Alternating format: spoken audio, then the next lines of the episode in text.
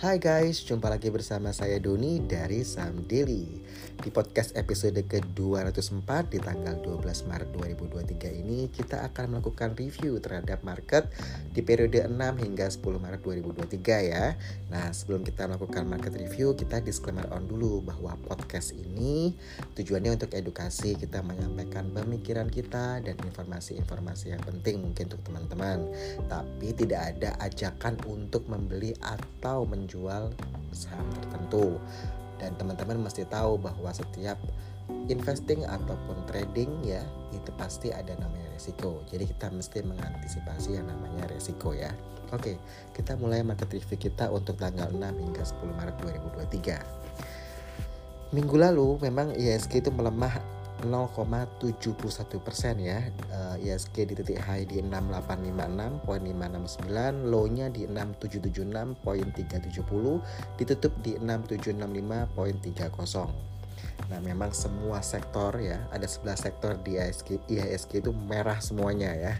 Uh, itu yang memimpin merah yang paling tinggi adalah sektor basic materials dia minus 3,44 persen Sektor energi minus 2,74 persen, industri minus 2,26 persen, infrastruktur minus 2,02 persen, uh, cyclical dia minus 1,83 persen, teknologi minus 1,79 persen, transportasi itu minus 1,62 persen, finance minus 0,81 persen, properti minus 0,79 persen, sedangkan healthcare minus 0,72 persen non cyclical ya. Non cyclical ini minus 0,54% jadi kalau kita boleh bilang yang minusnya paling kecil itu yang non cyclical ya Oke, kita lihat bahwa investor asing masih melakukan net buy sebesar 400 miliar, sedangkan minggu lalu ada saham-saham yang baru IPO ya, yang listed yaitu PTMP, PTMP ini di industrial goods, lalu uh, Cuan itu di oil and gas coal,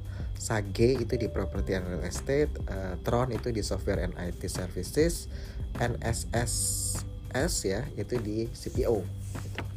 Untuk volume perdagangan kemarin itu tanggal 6 Maret sebesar 7, uh, value-nya sorry value perdagangan itu di tanggal 6 Maret 2023 itu 7,2 triliun tanggal 7 di 7,6 triliun tanggal 8 di 7,9 triliun tanggal 9 di 6,8 triliun tanggal 10 ya Jumat kemarin di 7,5 triliun.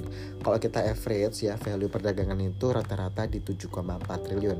Ini turun ya kalau uh, minggu lalu itu di 8,7 T sekarang tuh di 7,4 T. Jadi emang kering banget ya di market seperti itu Oke, kita lihat bahwa secara year to date dulu. Tadi kan uh, secara weekly ya. Kita mulai secara year to date hingga 10 Maret 2023. Sektor yang mendominasi uh, yang kita bilang positif itu adalah sektor transportasi dan logistik. Dia uh, plus 9,17%. Saya ulangi. Sektor transportasi dan logistik itu plus 9,17%. Sektor yang kedua adalah teknologi, dia plus 3,80%. Dan yang ketiga adalah sektor uh, non cyclical ya itu plus 1,55 persen. Ini year to date ya sampai tanggal 10 Maret 2023 jadi hanya tiga sektor ini yang positif. Sedangkan yang minus ya itu uh, yang paling tinggi minusnya adalah sektor energi. Itu minus 10,06 persen. Infrastruktur minus 4,24 persen. Property and real estate minus 4,14 persen.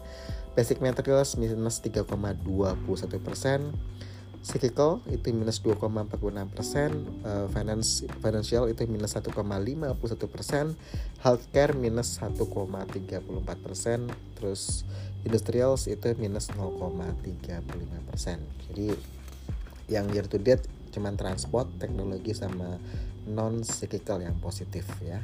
Itu year to date. Kalau kita lihat untuk yang leading ya ini kita akan mention saham-sahamnya yang year, uh, year to date leading uh, secara price movement ya.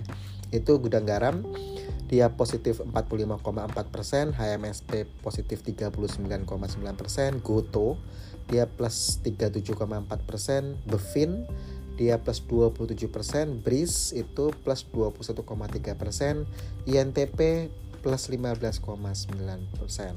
Jadi itu yang lalu ada Telkom ya dia 6,9 persen Alfamart 6 persen Astra plus 4,8 persen BMRI plus 4,5 persen. Jadi mungkin yang bank uh, bank-bank besar nih cuman BMRI ya yang big four-nya yang masuk 4,5 persen sedangkan Breeze itu di 21,3 persen. Yang leading ya year to date secara uh, pergerakan harga sahamnya. Sedangkan yang lagging ya itu ada ini yang yang uh, koreksinya parah ya. Yaitu ada ADMR dia minus 32,2 persen, Arto dia minus 29,6 persen, Adaro itu minus 25,7 persen, Bumi minus 19,9 persen, BEPS itu minus 19,6 persen, Unilever minus 12,6 persen, Cepin ya minus 11,9 persen, Bian minus 11,2 persen. Ini tergolong lagging untuk year to date ya. Oke, lalu banyak yang tanya soal Silicon uh, Valley Bank. Nah, memang ketika berita ini keluar ya, di mana Silicon Valley Bank yang bangkrut ini tentu akan berimbas negatif bagi startup ya sektor teknologi ya. Jadi kita Senin ini was-was iya. Tapi kita dari dua minggu sama yang, yang pasti minggu lalu benar-benar clear kita bilang pegang cash dulu gitu ya. jadi kayak dua minggu lalu kita udah ngajak teman-teman untuk beli SR 18 kita suruh teman-teman kalaupun masuk uh, pindahin dulu parkirin ke reksadana campuran dulu gitu ya. Jadi supaya kita parkir dulu gitu ya uh, karena marketnya juga lagi nggak enak minggu uh, minggu lalu kan kita lihat bahwa merah semua sektornya. Jadi benar-benar minus 0,71 persen secara ISG dan secara sektoral itu uh, kayak basic metal dia minus 3,44 persen. Lebih dalam minusnya daripada ISG ya minggu lalu. Jadi energi juga. Jadi hampir satu dua tiga empat lima enam tujuh tujuh 8 9 eh 9 ya 9,79 9 saham ini semuanya di bawah ISG uh, maksudnya uh, minusnya lebih besar daripada ISG gitu ya. Dari minus 3,44 persen sampai 0,72 persen. Jadi ya 10 ya 10 sektor itu minusnya lebih dalam daripada ISG kalau ISG cuma minus 0,71 kayak healthcare itu minusnya 0,72 persen. Jadi benar-benar 10 sektor itu minusnya lebih dalam daripada ISG jadi memang dengan volume transaksi yang cuma 7,4 triliun average nah itu kering banget marketnya. Makanya kita udah ambil strategi untuk member-member kemarin kita udah bilang dari dua minggu untuk uh, parkir dulu dananya. Jadi uh, kalaupun trading nggak usah besar-besar jadi kita kurangi porsi untuk trading. Seperti itu ya untuk yang di saham. Itu dulu. Oke okay, saya Doni dari dari saham daily out